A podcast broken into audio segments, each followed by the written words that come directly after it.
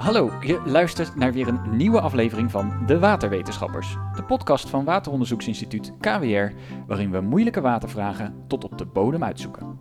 Ik ben Tim.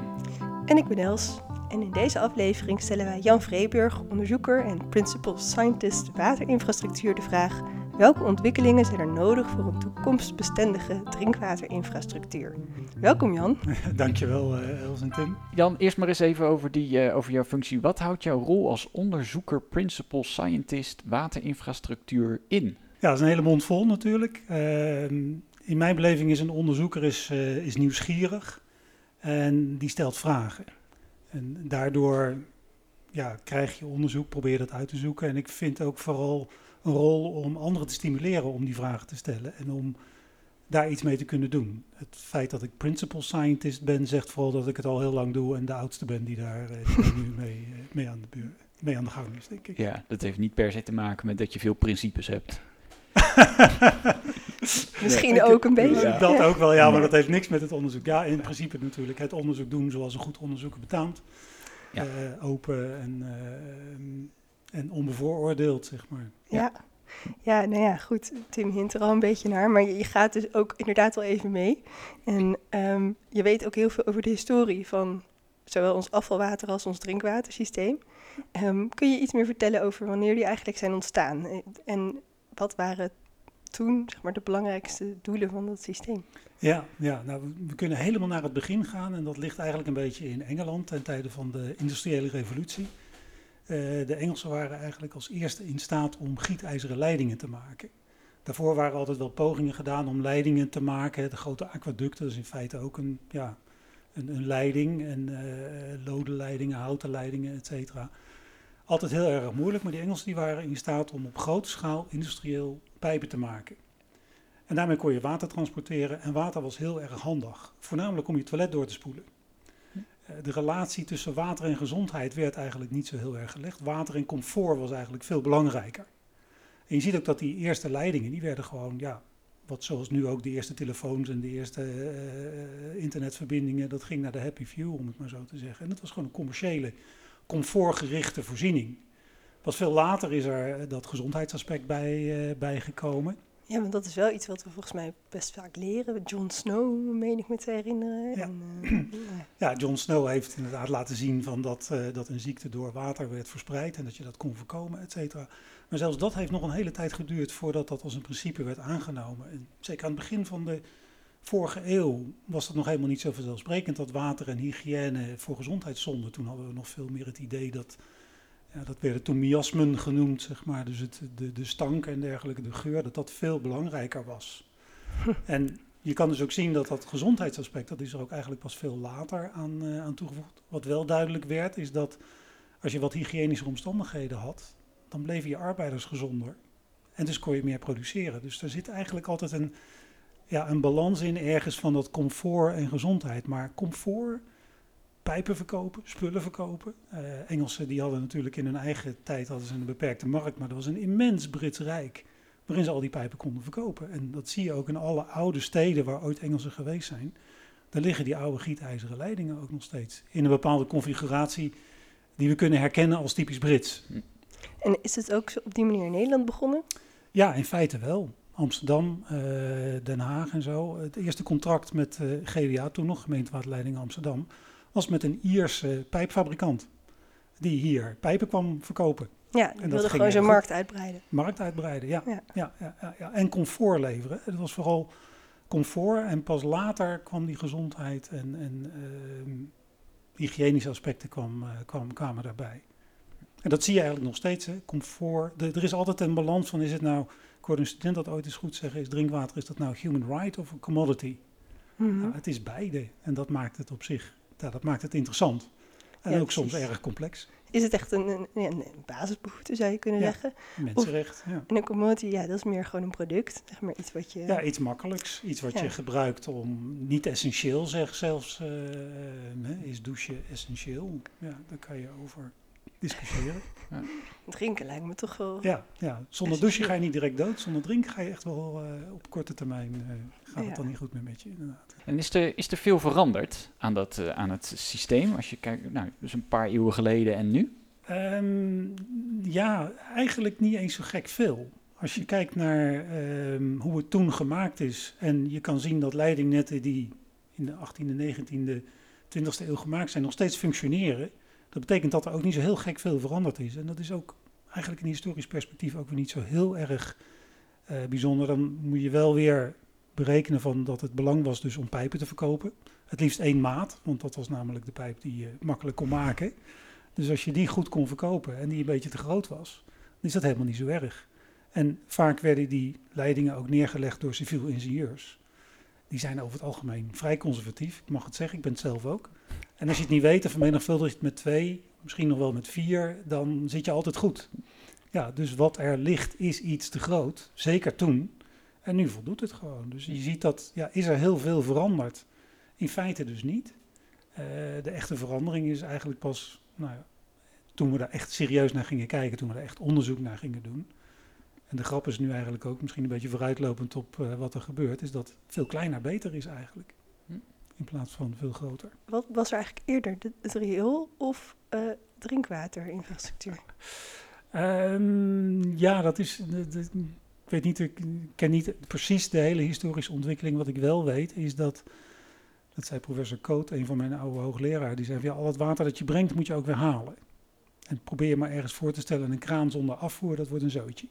Ja. En dat is dus inderdaad ook zo. Uh, dat werd heel duidelijk toen ook weer in Londen waar uh, wel waterleidingen waren gelegd, maar wat nog niet zo erg veel nagedacht was over de afvoer. Dus het werd een beetje de gracht ingespoeld.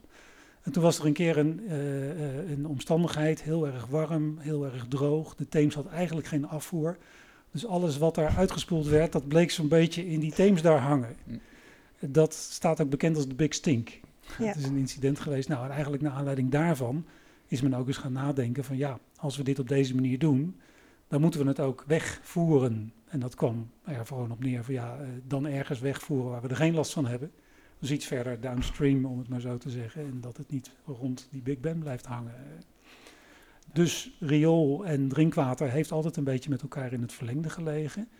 Waarbij je wel moet berekenen, uh, bedenken dat uh, als je nog niet zoveel drinkwater leverde, dan kon je het ook nog wel in de septic tank kwijt. Had niet per se die pijp nodig, dat kwam later pas. En je ziet bijvoorbeeld in Nederland dat pas in de jaren ja, 50, 60 op grotere schaal riolering kwam. Omdat er dus op grotere schaal drinkwater kwam. En omdat het ook toch wel handig was om droge voeten te hebben bij, uh, als het eigenlijk hard regende en zo. Dus die combinaties werden toen ook wel, uh, wel snel gemaakt. Maar eigenlijk dus, eerst de waterleiding en pas daarna gingen ze nadenken over het afvoeren dan. Ja. ja. Dat is toch duidelijker dan kip en ei. Ja. ja. Kan je wel vragen wat nou de kip en wat nou de ei was, maar vooruit. ja. En uh, Jan, wat zijn volgens jou de belangrijkste doelen eigenlijk van een, van een watersysteem? Um, van een modern drinkwatersysteem mm -hmm. en mhm. afvalwatersysteem ja. is dat comfort en gezondheid. Okay. En je kan ook zien op het moment dat duidelijk werd dat gezondheid dat dat een belangrijk aspect was, tezamen met dat comfort, dat het toen eigenlijk veel meer een publieke voorziening werd. Waar het eerst een luxe voorziening was, wordt het steeds meer een publieke voorziening. En op dat moment, dat komt natuurlijk zo'n beetje bij rond de jaren 1900, hè, zo begin, uh, begin 20e eeuw, um, kan je ook zien dat publieke lichamen dat overnemen. Gemeenten, provincies, de staat neemt dat over. En dan wordt het ook een voorziening die je ook in de, ja, in de niet lucratieve aansluitingen moet maken. Dan is het ook pas echt een wijdverbreide voorziening uh, geworden. En daarbij zie je ook dat de verantwoordelijkheid ook bij de overheid terechtkomt, waardoor dat commerciële aspect wat minder wordt. En dat is ook ja. goed. Ja. precies. Dus uh, het begon misschien ook wel meer vanuit een uh, economische perspectief van, goh, we willen gewoon meer verkopen, maar ja. dat werd geleidelijk meer een publieke. Ja, ja, ja. En je kan nu zeggen dat, het, dat de drinkwatervoorziening in feite een, een publieke voorziening is voor iedereen, waarbij gezondheid en comfort toch ja, neven geschakeld zijn. Hè. Dus dat zie je zeker in de moderne uh, toelichting. Sterker nog, dat drinkwater dat is zo vanzelfsprekend geworden, zo voor de hand liggend dat je eigenlijk dat idee gaat krijgen, ja, maar we drinken er maar twee liter van, kunnen we de rest dan niet wat mindere kwaliteit? Nou, daar kunnen we misschien nog eens over goed over nadenken, want dat is niet zo.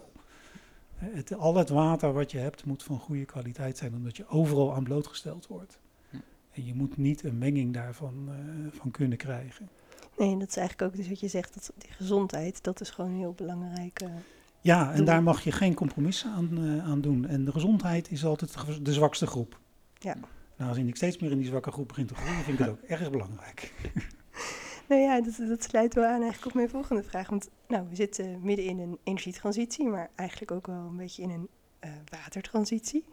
En we proberen dus de samenleving veel duurzamer te maken op, op allerlei manieren.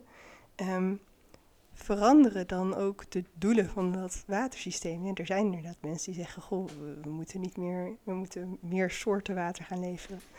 Ehm, nou ja, wat Ja. denk jij? Zou, zou er iets moeten veranderen en waarom?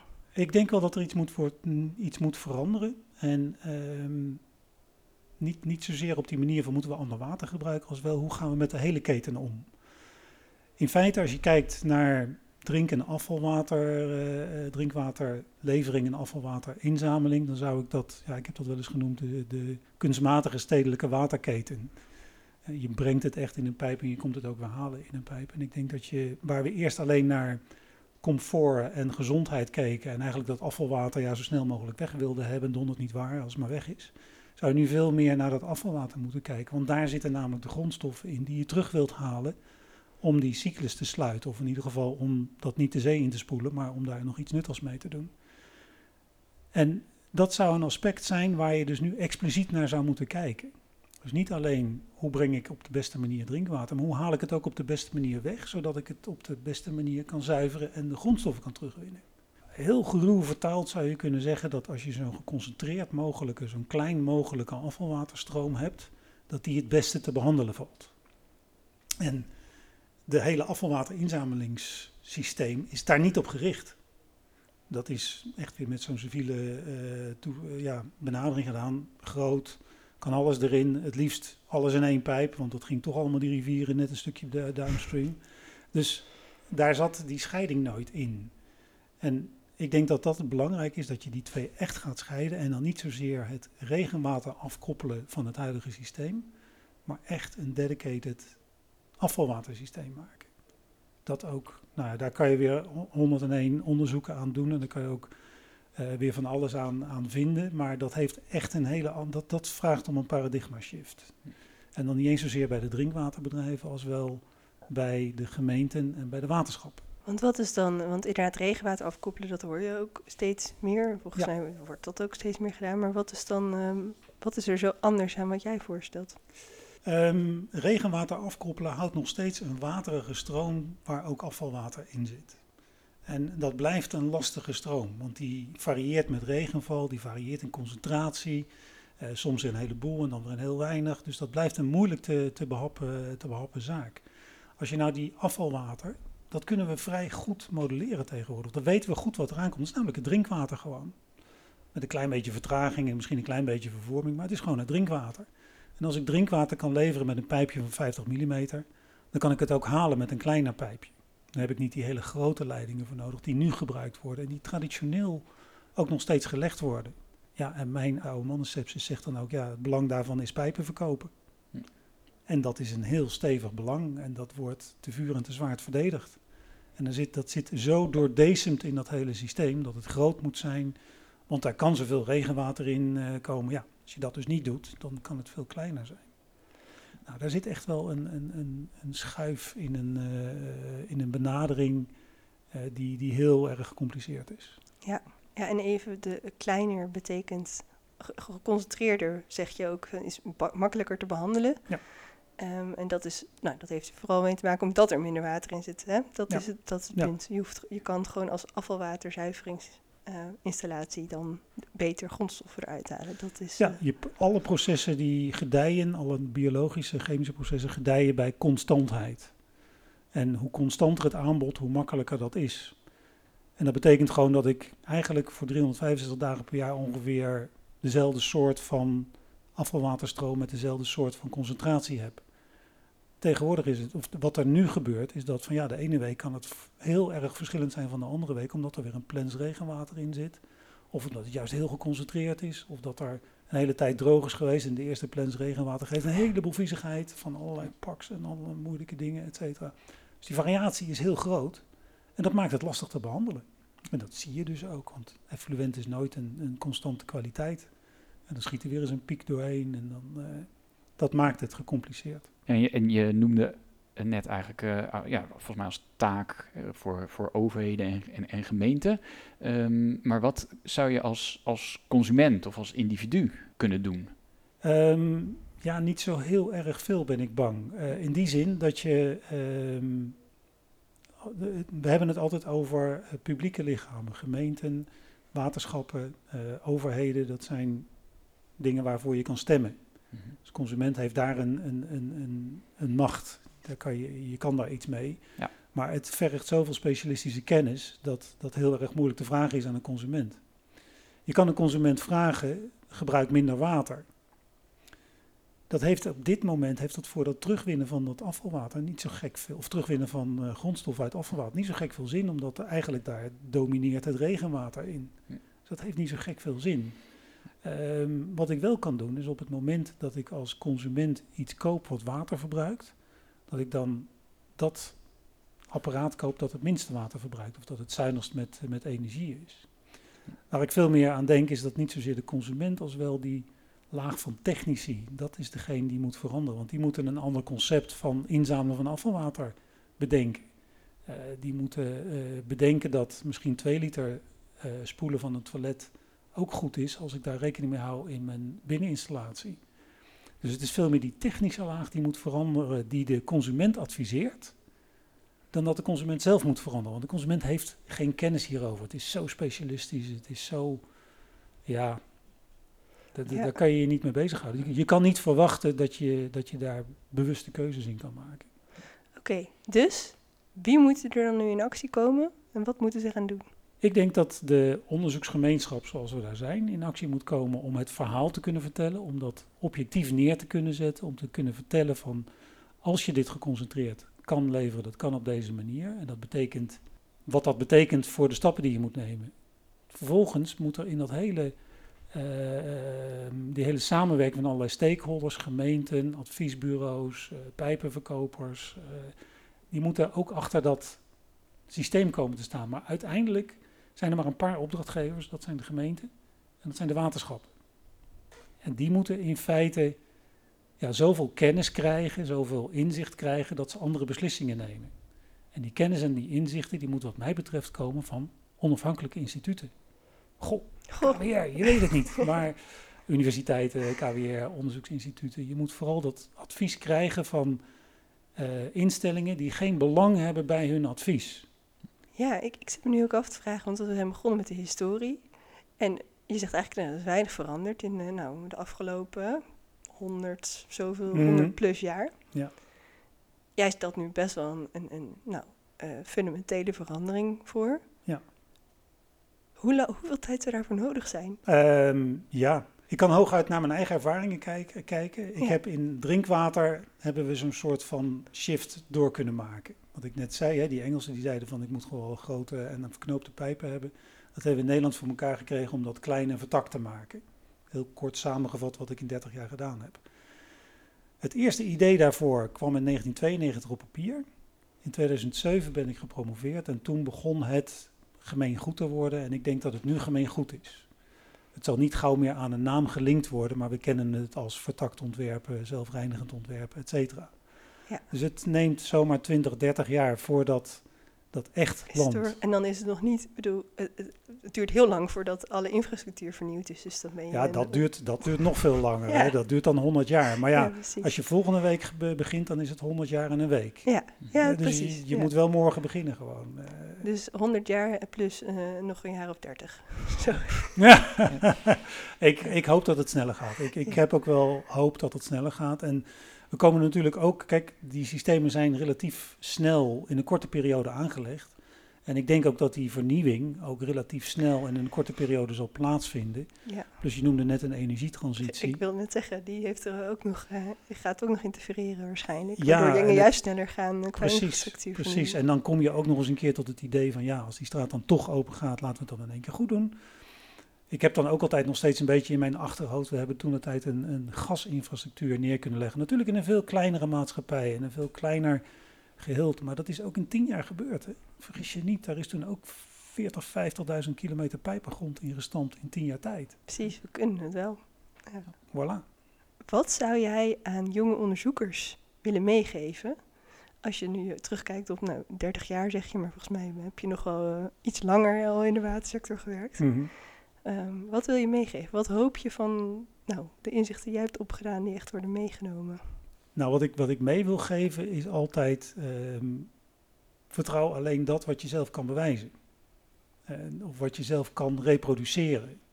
En ook al doen we 100 jaar iets, als je niet een goede reden kan vinden waarom we het op die manier doen, blijf net zo lang doorzoeken totdat je vindt ofwel het is waar, ofwel we moeten het op een andere manier doen. Eh, dus hou die open mind. En ehm, wat ik iedereen wel gun, is ehm, de omgeving die ik gehad heb. Waarin, je, ja, waarin men mij mijn gang liet gaan. Ik had, ik, ik had natuurlijk de heleboel vinkjes op het moment dat ik begon. En wat ik wel hoop, is dat je niet al die vinkjes nodig hebt om toch eh, dat te kunnen doen. Om, om toch die, die eh, eigenwijze open mind te kunnen hebben en die kritische vragen te mogen stellen ook. Dat je het podium krijgt, maar ook wel neemt. In deze aflevering stelden wij Jan Vreeburg de vraag: welke ontwikkelingen zijn er nodig voor een toekomstbestendige drinkwaterinfrastructuur?